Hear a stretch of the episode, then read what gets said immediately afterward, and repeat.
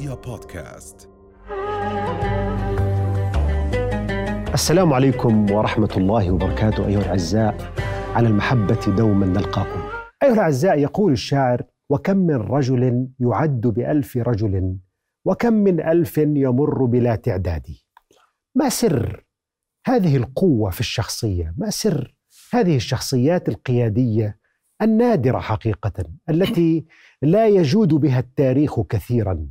شخصية كشخصية صلاح الدين شخصيات الأنبياء قبل ذلك شخصية القيادية التي لديها هذه الموهبة الشخصية الملهمة التي ليست مجرد زعامة ليست مجرد اعتلاء لمكان يتحكم به بالآخرين.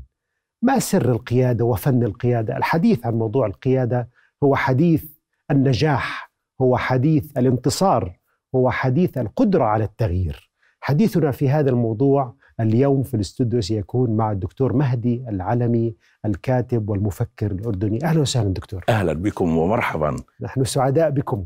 أنا السعيد أكثر وأكثر مع سعادتك. الله يسلمك. وهذا اللقاء الرابع دكتور يعني سبق وإنه تشرفت بإنه التقيت مع حضرتك حول النهضة. هذا, شرف لنا نعم. يعني نعم. وحول القيم وحول إدارة التغيير واليوم نلتقي حول القيادة. يعني هي سلسلة مترابطة الحقيقة. أكيد. وربما أبدأ من سؤال تفضل دكتور هل القيادة يولد الإنسان قائدا وبالتالي هي شيء استعداد داخلي مسبق أم أن القيادة يمكن أن تصنع من خلال مناهج التربية من خلال التعليم من خلال المجتمع هل القائد يولد قائدا؟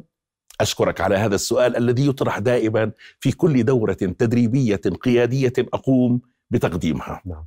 الواقع دكتور بعد البحث وبعد الدراسة وبعد الرجوع إلى المراجع العلمية وبعد الرجوع إلى التجارب الواقعية العملية وبعد دراسة القادة تبين لي ماذا؟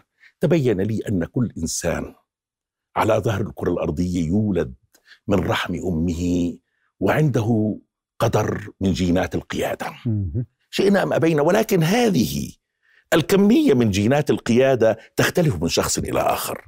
المهم هنا بأنه هذا القدر من الجينات القيادية إذا تمت العناية به وإذا شذب وإذا اهتم به وإذا اعتني به وإذا كان هذا الإنسان قد نشأ في مدرسة قيادية فإنه يصبح قائدا. جميل. والقيادات دكتور تختلف.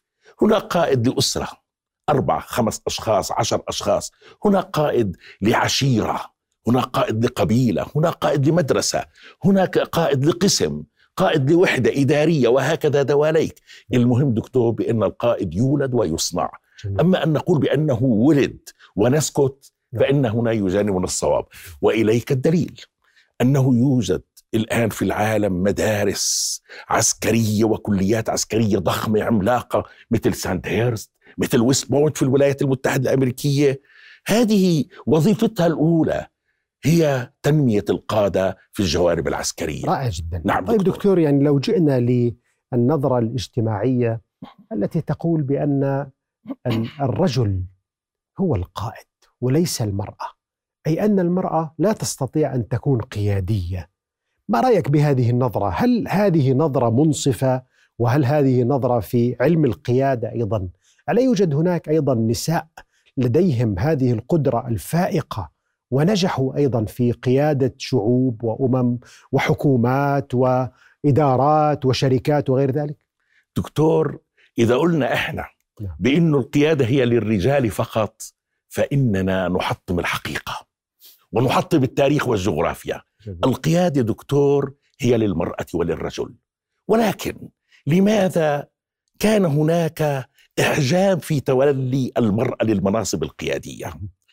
السبب ذكورية المجتمع وسيطرة الذكور تاريخيا على عدد كبير من المجتمعات. نعم.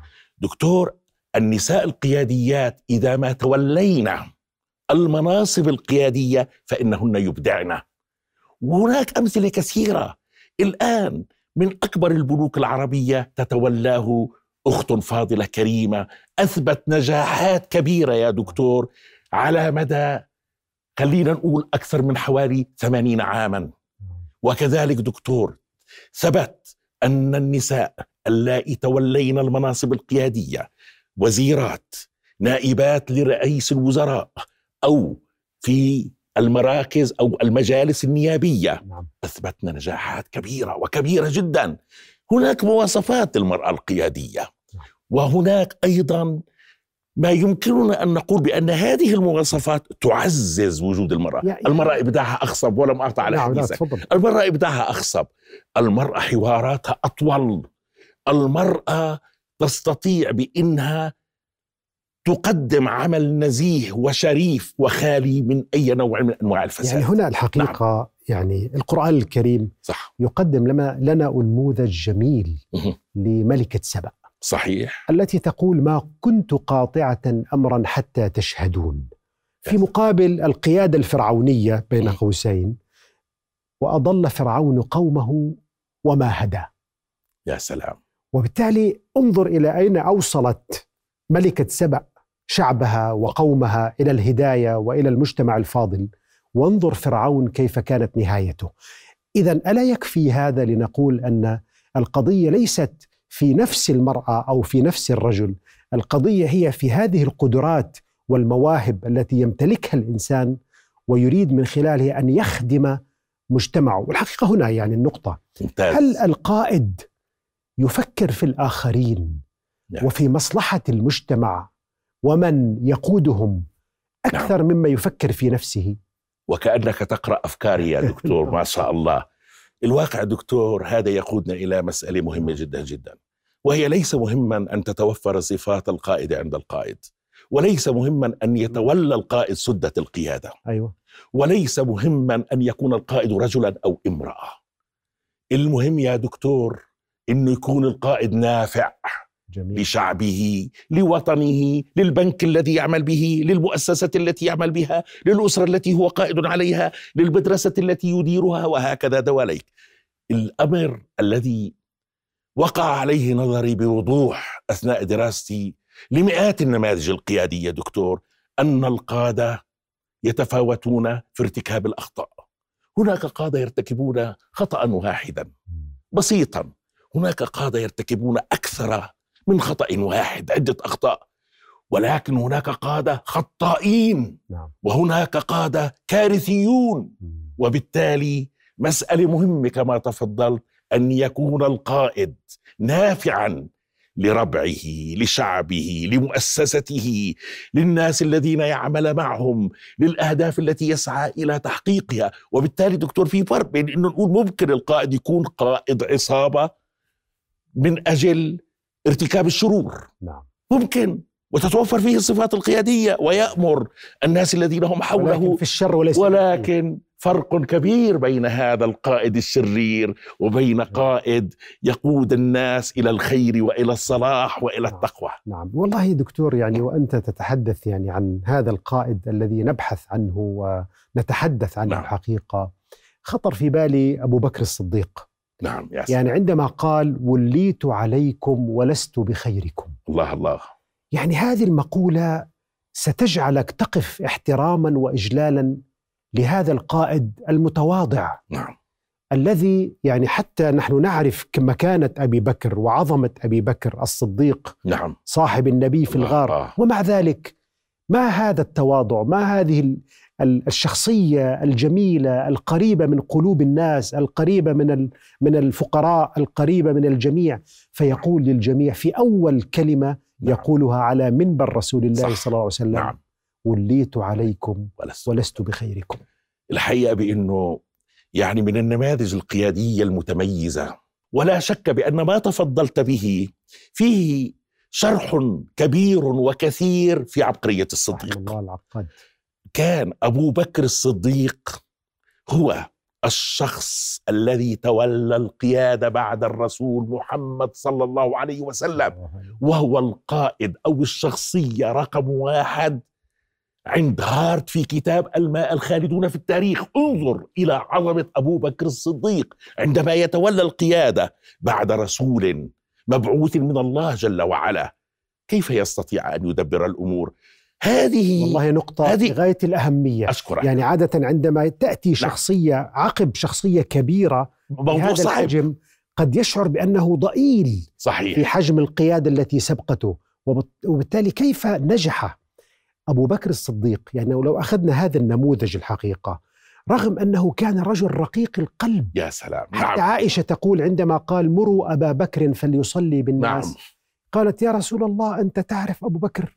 إنسان رجل رقيق القلب. أسيف. نعم. أسيف رقيق نعم. القلب. نعم. لن يستطيع أن يتخيل نفسه مكانك وأنت غير موجود. سيبكي سيتألم. فكيف. يتحول؟ هنا السؤال والله دكتور. نعم. كيف تحول هذا الشخص الرقيق رقيق القلب إلى شخصية قيادية قوية تتخذ قرارات في الحرب قرارات تمس نعم. وجود الدولة؟ نعم. صناعة القائد والتحول وقدرة هذا القائد على اتخاذ القرار نعم. وأنت ذكرت العقاد وعبقرية الصديق لكن كيف تحول هذا الشخص هو هو نفسه لم يكن يطلب القيادة نعم. ثم صحيح. وإذا به عندما سنتين فقط نعم في الخلافة يحول هذه التجربة إلى تجربة تعليمية ما زلنا نتعلم منها حتى اليوم. لا شك آه، أبو بكر الصديق رضي الله عنه إنسان شجاع وإنسان حكيم والشجاعة والحكمة من أهم متطلبات القيادة. انظر إلى أبو بكر الصديق وعمر بن الخطاب رضي الله عنهما. نعم. عندما قامت حروب الردة كان قرار أبو بكر الصديق هذا الرجل الوديع هذا الرجل اللطيف الكريم كان لا بد من أن نحارب المرتدين من أجل أن ننقذ الإسلام. بينما كان رأي عمر بن الخطاب ذلك الرجل الشجاع القوي والذي هو من الماء الأوائل بالتاريخ. إنه لا داعي لهذه الحرب يا أبا بكر. كان يفترض العكس. نعم.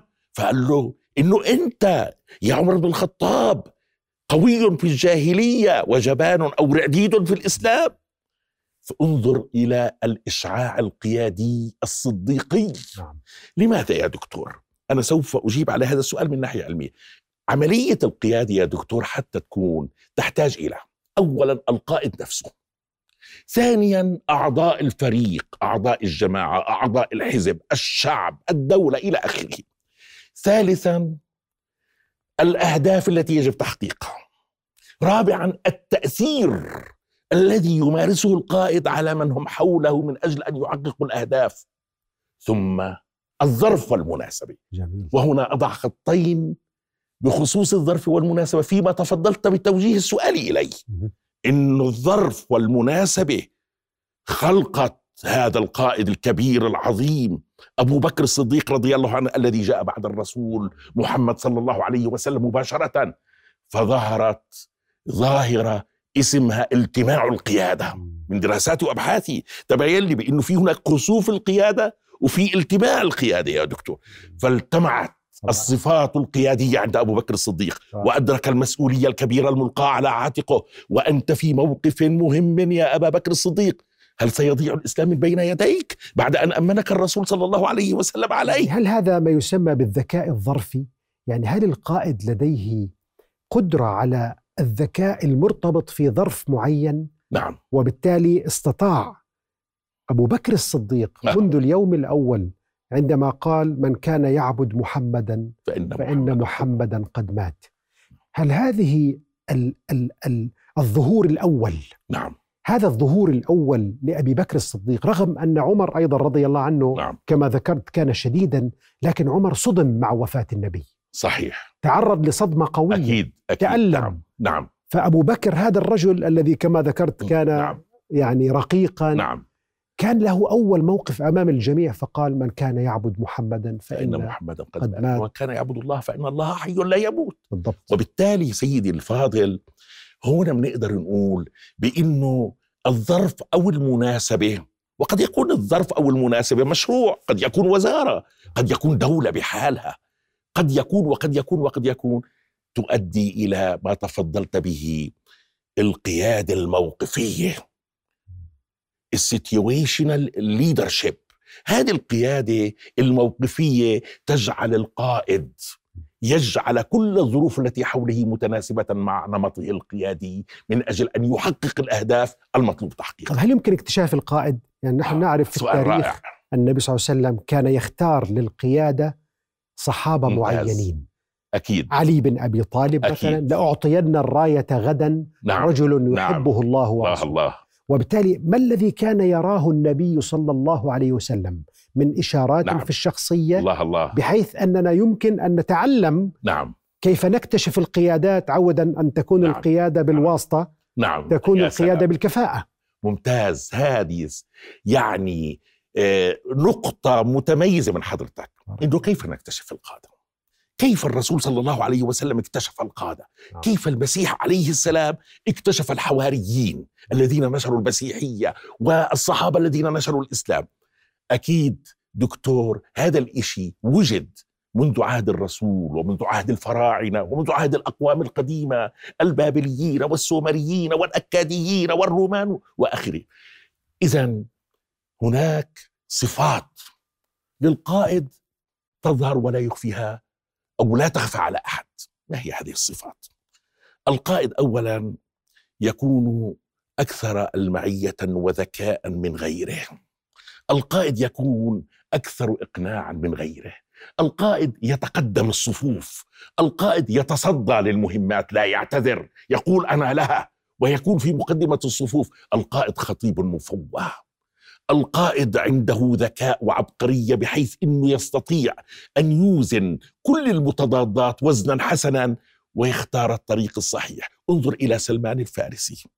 عندما قال للرسول صلى الله عليه وسلم عندما طلب المشورة الرسول في غزوة الخندق قال ماذا نفعل؟ كل الأحزاب تتراكم علينا وتريد أن تقضي علينا في المدينة المنورة. قال له كنا في بلاد فارس نخندق حولنا. هنا نقطة مهمة دكتور أنا أريد أن أشير إليها وأنصح بها. كل القادة الآن أي قائد في أي مكان في المجالات المدنية أو العسكرية أو السياسية يحيط نفسه بعدد من المستشارين. مستشار هندسي مستشار اقتصادي مستشار إداري مستشار بيئي إلى آخره إلى آخره. أتمنى على القياديين في العالم في القطاع العام والقطاع الخاص والقطاع الأمني والقطاع العسكري والقطاع السياسي أن يحيطوا أنفسهم بوظيفة أدعي أنني أنادي بها وظيفة المستشار القيادي. لأنه دكتور إذا القائد مهما بلغت قوته القيادية ومهما بلغ تأثيره القيادي إذا لم يكن محاطا بمستشار أو مستشارين قياديين فإنه سوف يفشل في وقت من الأوقات. لذلك المستشار القيادي وظيفة مهمة لأنه مهما الظروف سيد الفاضل الكريم تكالبت وتجمعت نعم. فإن المستشار القيادي الذي يكون عنده علم بالتاريخ علم بالجغرافيا علم بالهندسة علم بالطب علم بالتجارب العسكرية وما شابه يستطيع أن يشير على القائد هو- هون دكتور مهدي نعم. يعني وأنت أثرت فعلا أثناء كلامك سلمان الفارسي النبي صلى الله عليه وسلم نعم. كان أكثر الناس مشورة لأصحابه صح للأسف المفهوم العام أن القائد في كثير للأسف من واقعنا في هذا العالم أن القائد لا أحد يجرؤ أن يقول له هذه الفكرة خطأ أو هذا المشروع نعم. خطأ أشكرك ويجب أن يكون هذا صح. النبي صلى الله عليه وسلم يقف الحباب ابن المنذر نعم. في معركة بدر نعم. فيقول للرسول صلى الله عليه عليه وسلم والسلام. هل هذا الموضع أهو منزل أنزلك الله أم هي الحرب والمكيدة؟ الله الله. قال بل هي الحرب والمكيدة. أكيد. قال هو ليس بمنزل. الله الله. كيف للمستشار العسكري. للرسول صلى الله عليه وسلم وسلم. أحد المستشارين نعم العسكريين نعم. أن يقول للنبي أن الموقع غير استراتيجي وخطأ. إذا هو لديه ثقة نعم. بأن النبي يحبه وبأن النبي يريد أن يستمع لقوله نعم. لا يخاف من القائد. نعم. إذا بناء الثقة بين القائد وبين المستشارين أو هذه الدوائر القريبة نعم. التي تدعم القائد كيف تكون؟ سيد الفاضل اولا أريد أن أتحدث عن أنماط الق- القادة والقيادة. هناك القائد المستبد الدكتاتوري الذي لا يستشير احدا من حوله والقرار هو قراره فقط. هناك القائد الديمقراطي التشاركي الذي يستشير من هم حوله ويكون عنده مستشار قيادي إلى جانب المستشارين الاخرين وهناك القائد الحر الذي يترك الأمور كما هي. وبنفس الوقت سيد الفاضل بنيجي للثقه من أهم أهم صفات القاده ونظرية صفات القاده هي من أقوى نظريات القيادة، نظريات القيادة كثيرة دكتور. نعم. سوف نتعرض لها أكيد في حديثنا هذا. من أهم نظريات القيادة اللي هي صفات خلق الثقة ووجود الثقة بينه وبين من هم حوله. جميل. من أين تنبع الثقة؟ مم. ال trust ال confidence من ثقته بنفسه اولا واثقا من نفسه.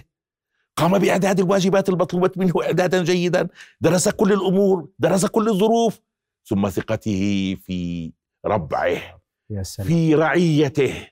في من هم حوله قد تكون أسرة قد تكون قسم قد تكون دائرة قد تكون مدرسة ثم ثقة الناس به والله ذكرتني بالحديث نعم. أو بالخبر الذي قال أحد قريش كأنه أبو سفيان نعم. أو أحد كبار نعم. قيادات نعم. قريش قال ما رأينا أحدا يحب أحدا كحب أصحاب محمد لمحمد يا سلام صلى طبعا الله عليه وسلم يعني هم استغربوا عندما يعني أسروا أحد الصحابة نعم. وعذبوه في نعم. مكة وقتلوه نعم. وأبى أن يشتم أو أن يسيء لمحمد فقال أحدهم هذه المقولة نعم قال عجبا ما رأينا احدا يحب أحد. أحد كحب أصحاب محمد لمحمد صلى الله عليه وسلم فعلا يعني ما هذه الثقة التي هي أكثر من ثقة هي ثقة زائد محبة يا سيدي الكريم يعني لا شك بأن المحبة والحب والثقة تلعب دورا كبيرا في قيام القائد بتنفيذ المهام المطلوبة منه من أجل أن يؤثر على فريقه من أجل تحقيق الأهداف المطلوبة يا دكتور.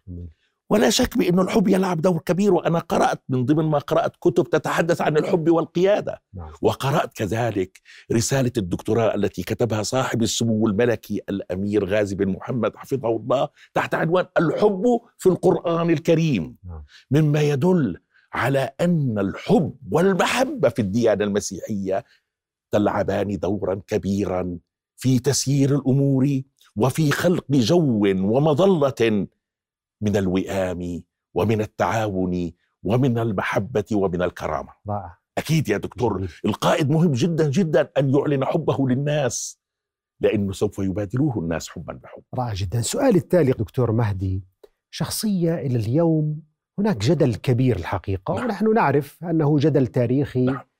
معاوية بن أبي سفيان نعم. كتب له عمر رسالة عندما سمع أنه يستخدم الموكب العظيم مثل مواكب الملوك ال- ال- الأساطرة أو ال- نعم ال- ال- العظام نعم. و فرد عليه معاوية فقال أن الناس قد تعودوا في هذه البلاد على عظمة الملك الله وأنهم إذا رأونا نحن كعرب قد أتينا من الجزيرة العربية أو معنا الرسالة. نعم. فإن ذلك لا يليق. عمر اقتنع بهذا طبعاً. الذكاء الظرفي بهذا الرد الذي قاله معاوية. أريد أن أستمع نعم. لنظرتك لقيادة معاوية يا سلام. بعيدا عن الإشكالات الأخرى نعم نعم. وعن الصراع. نعرف هذه الإشكالات. نعم. لكن الحقيقة معاوية كقيادة أموية عربية يا سلام. لديها الكثير من أسباب القوة قدرة هذا ال- ال- الصحابي على إدارة الشأن العام في منطقة كانت الإمبراطوريات الكبرى تسيطر عليها. صحيح. مليئة بالثقافة مليئة بالأقوام المختلفين مليئة باللغات المختلفة نعم. مليئة بالأديان المختلفة نعم. بالمعتقدات المختلفة. صحيح. كيف نجح معاوية ابن أبي سفيان في إدارة بلاد الشام العراق مصر كان خليفة للمسلمين في منطقة غزيرة جدا في الثقافة وبالتنوع وبالاختلاف آه، سيدنا معاوية بن أبي سفيان مؤسس الدولة الأموية قائد من القادة العظماء. ولا ننسى هنا بأنه هو ابن أبو سفيان.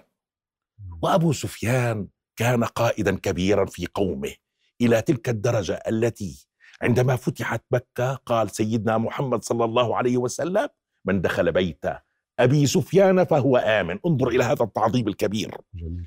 معاوية بن أبو سفيان أسس الدولة الأموية التي استمرت من سبعين إلى ثمانين عاما والتي كانت منطلقا للأمة العربية وقد حكمت نفسها بنفسها لتثبت في تلك الفترة التاريخية أنها أمة قادرة على النهوض وقادرة على الفتوحات والامتداد وقادرة على أن تحكم نفسها. معاوية بن أبي سفيان من أهم الصفات القيادية عنده التي كما تفضل الدكتور جعلته يحكم أقواما متعددة ثنائيات متعددة هي الحكمة والمفاوضة. الحكمة أنه كان يزن الأمور بمسطرة الحكمة. ولا شك بأن من يؤتى الحكمة يؤتى حظا عظيما. نعم. هذا من جهة من جهة ثانية المفاوضة لدرجة أنه كان يقول وأثر عنه وأخذ عنه والله لو أن بيني وبين الناس شعر لما انقطعت. قالوا له كيف يا أمير المؤمنين؟ قال لو أرخوها سددتها ولو سدوها أرخيتها. انظر إلى هذه العظمة في الحوار في التفاوض. شخص بمثل هذه المواصفات ويؤسس دولة ويؤسس نظام حكم جديد؟ أين في دولة بلاد الشام كانت بها الدولة الرومانية الإمبراطورية الرومانية مسيطرة؟ لا شك بأنه نموذج قيادي أنت قوي. أشرت لنقطة نعم. التفاوض الحقيقي. لا شك أنه ما حدث بينه وبين الحسن بن علي؟ نعم. وأنه راضى. الحسن وفاوضه وقبل الحسن بالتنازل قبل نعم. عن الخلافة صحيح. أيضا نشير أنه الحسن بن علي لأنه آثر مصلحة الأمة. أكيد. هو كان يعلم أنه هو الأحق بها. أكيد. كما أن علي رضي الله عنه هو الأحق بالخلافة لا دون شك منازع. لا شك. ولكن البحث عن مصلحة الأمة وبالتالي سموه عامل جماعة صحيح. دكتور والله القادة الذين تنازلوا من أجل أمتهم تنازلوا عن الر- الرئاسة ولكنهم بقوا قادة. نعم. يعني الحسن بن علي ممتاز. لم يحكم صحيح. ولكنه بقي قائدا وإن كان في بيته. قائدا عظيما. يعني أيضا التركيز لا- لا على. القائد الإمام القائد القدوة الأخلاقية ترك السياسة. صحيح. ولكنه عندما ترك السياسة بقي الحسن بن علي عظيما وكان له دور كبير في وحدة الأمة. لا شك. دكتور من خلال دراساتي وأبحاثي وقراءاتي تبين لي إنه في هناك ظواهر ترتبط بالقيادة. ظاهرة العزل أن يأتي القائد الأكبر ليعزل أحد القادة وهذا ما حصل ما بين سيدنا عمر بن الخطاب رضي الله عنه عندما عزل خالد بن الوليد. وهو قائد عظيم. قائد عظيم. قائد عظيم خالد. جدا. ثانيا قضية الإزاحة. وهذا ما حصل في ربيع رومانيا عندما قام الشعب الروماني بإزاحة جنرال تشاوتشيسكو في تيمشوارة. مهم. وقائدة التنحي ظاهرة التنحي.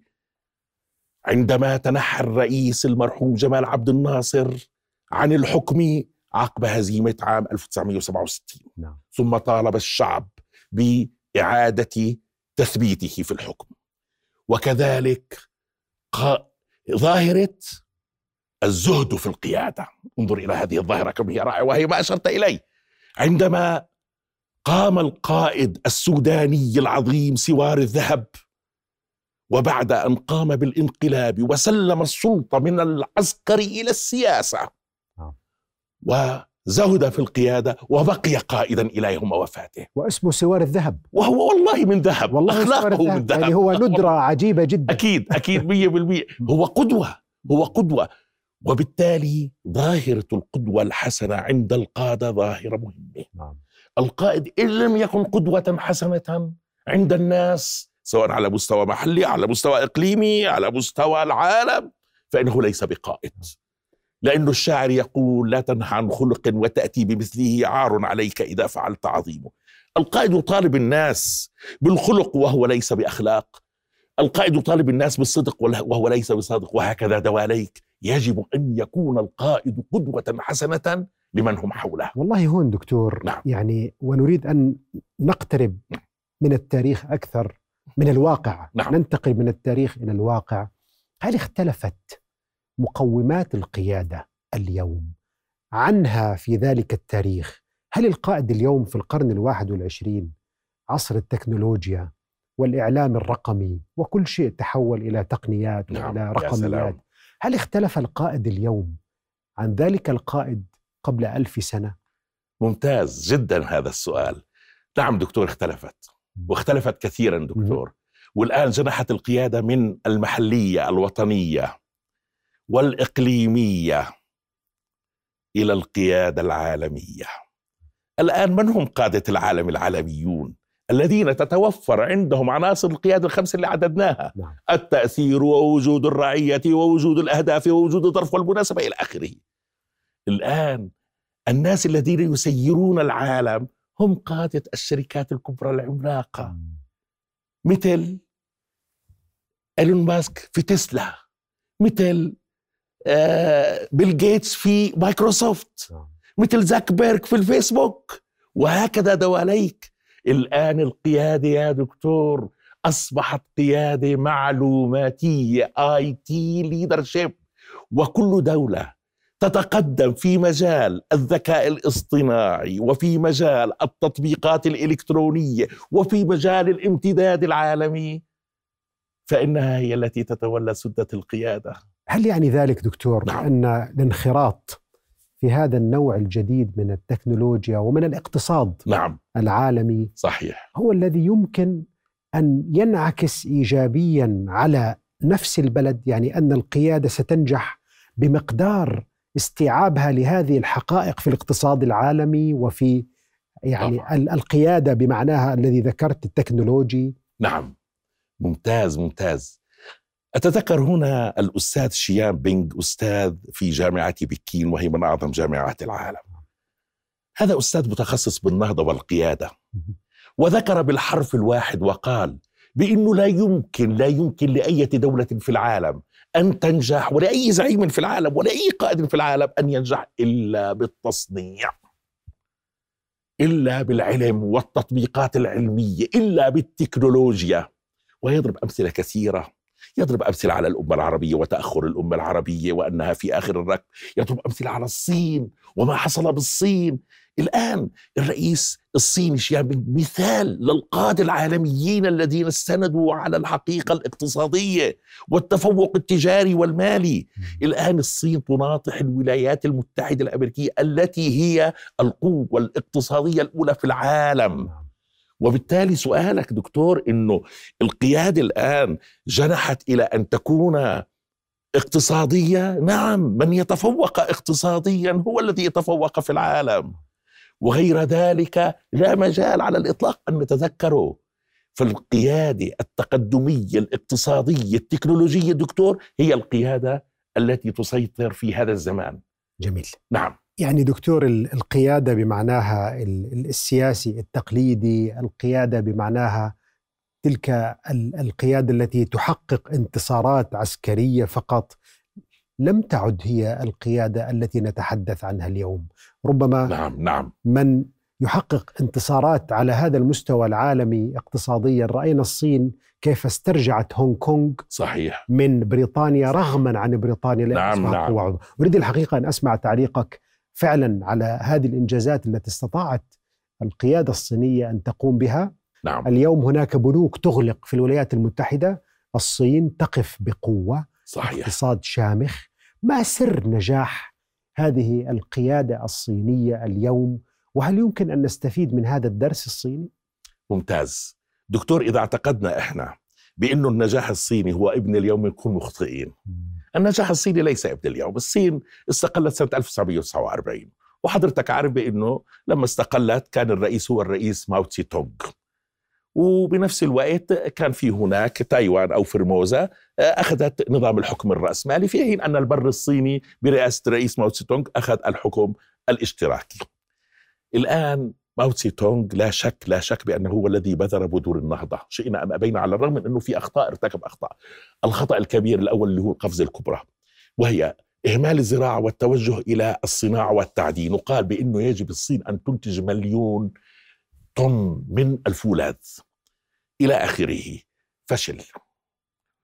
ثم جاءت المرحلة الثانية مرحلة المجاعة مما نتج عنه وفاة 12 مليون صيني.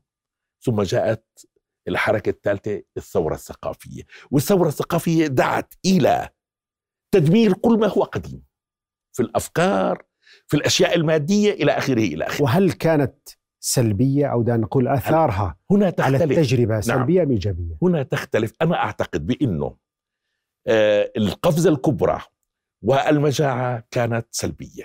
لكن الثورة الثقافية على الرغم من التحفظات التي عليها أستطيع أن أقول بأنه هي التي بذرت في أيامها بذور النهضة. توالت الأيام إلى أن جاء الرئيس الحالي. جميل دكتور القائد أن يكون له كتب. وجميل أن يعكس تجربته القيادية على الناس. وجميل أن تدرس هذه التجربة القيادية في المدارس والله وفي أنت الجامعات. يعني تضعنا على أيضا والإدارة نعم على سؤال مهم. هل القائد يجب أن يكون مثقف؟ بالتأكيد إن لم يكن في العصر السابق فيجب أن يكون في هذه الأيام مثابر ومثقف وقارئ. بل إن احدى أهم الصفات القيادية للقائد التغيير التحويلي هي أنه عاشق للعلم. جميل. عاشق للعلم. اللي هي نظرية تيشي وماري أن ديفانا نعم. نظرية القائد المغير المحول.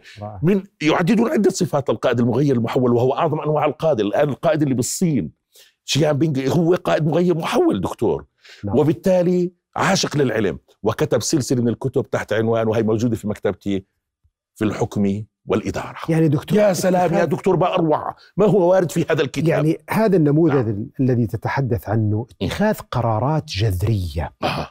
هل القائد يكون أكثر قوة أو أكثر يعني ابداعا وانجازا عندما يتخذ قرارات جذرية في تاريخ أو في مجتمع أو في الدولة التي يعيش بها؟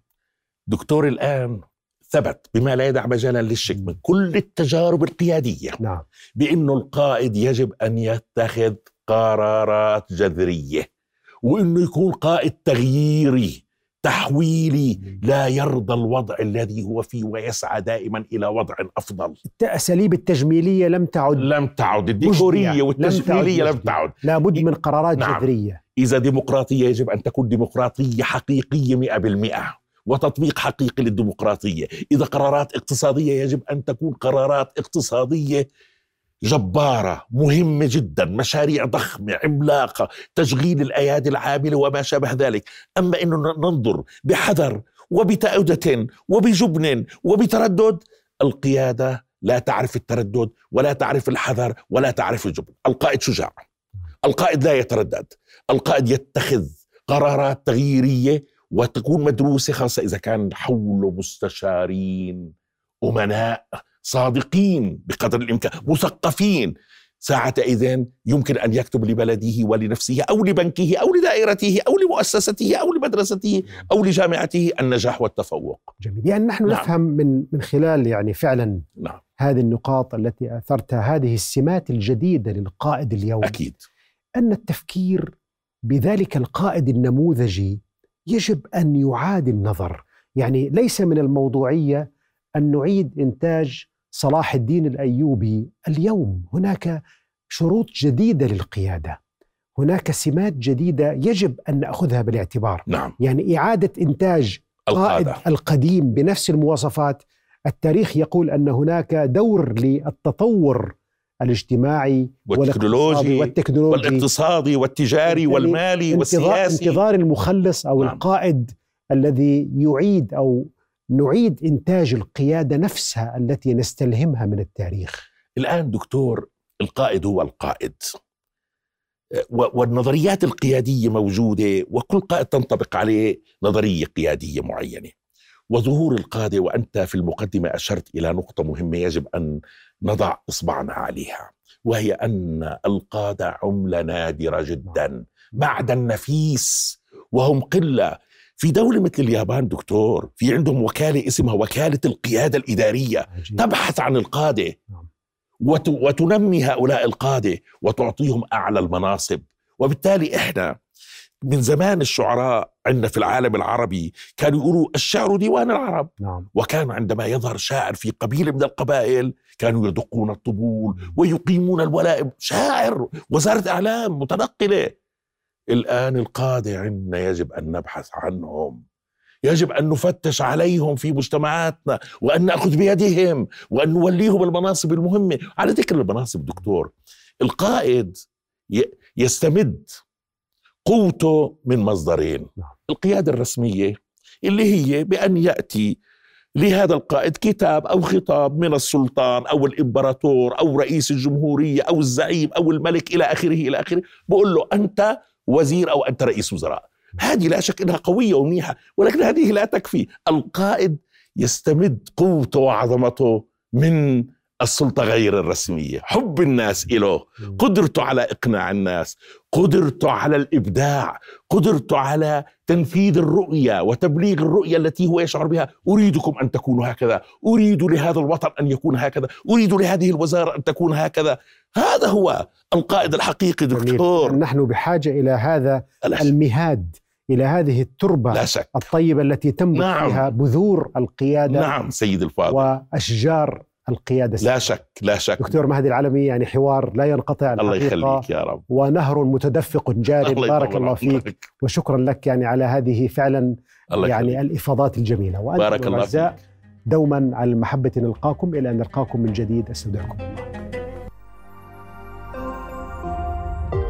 رؤيا بودكاست.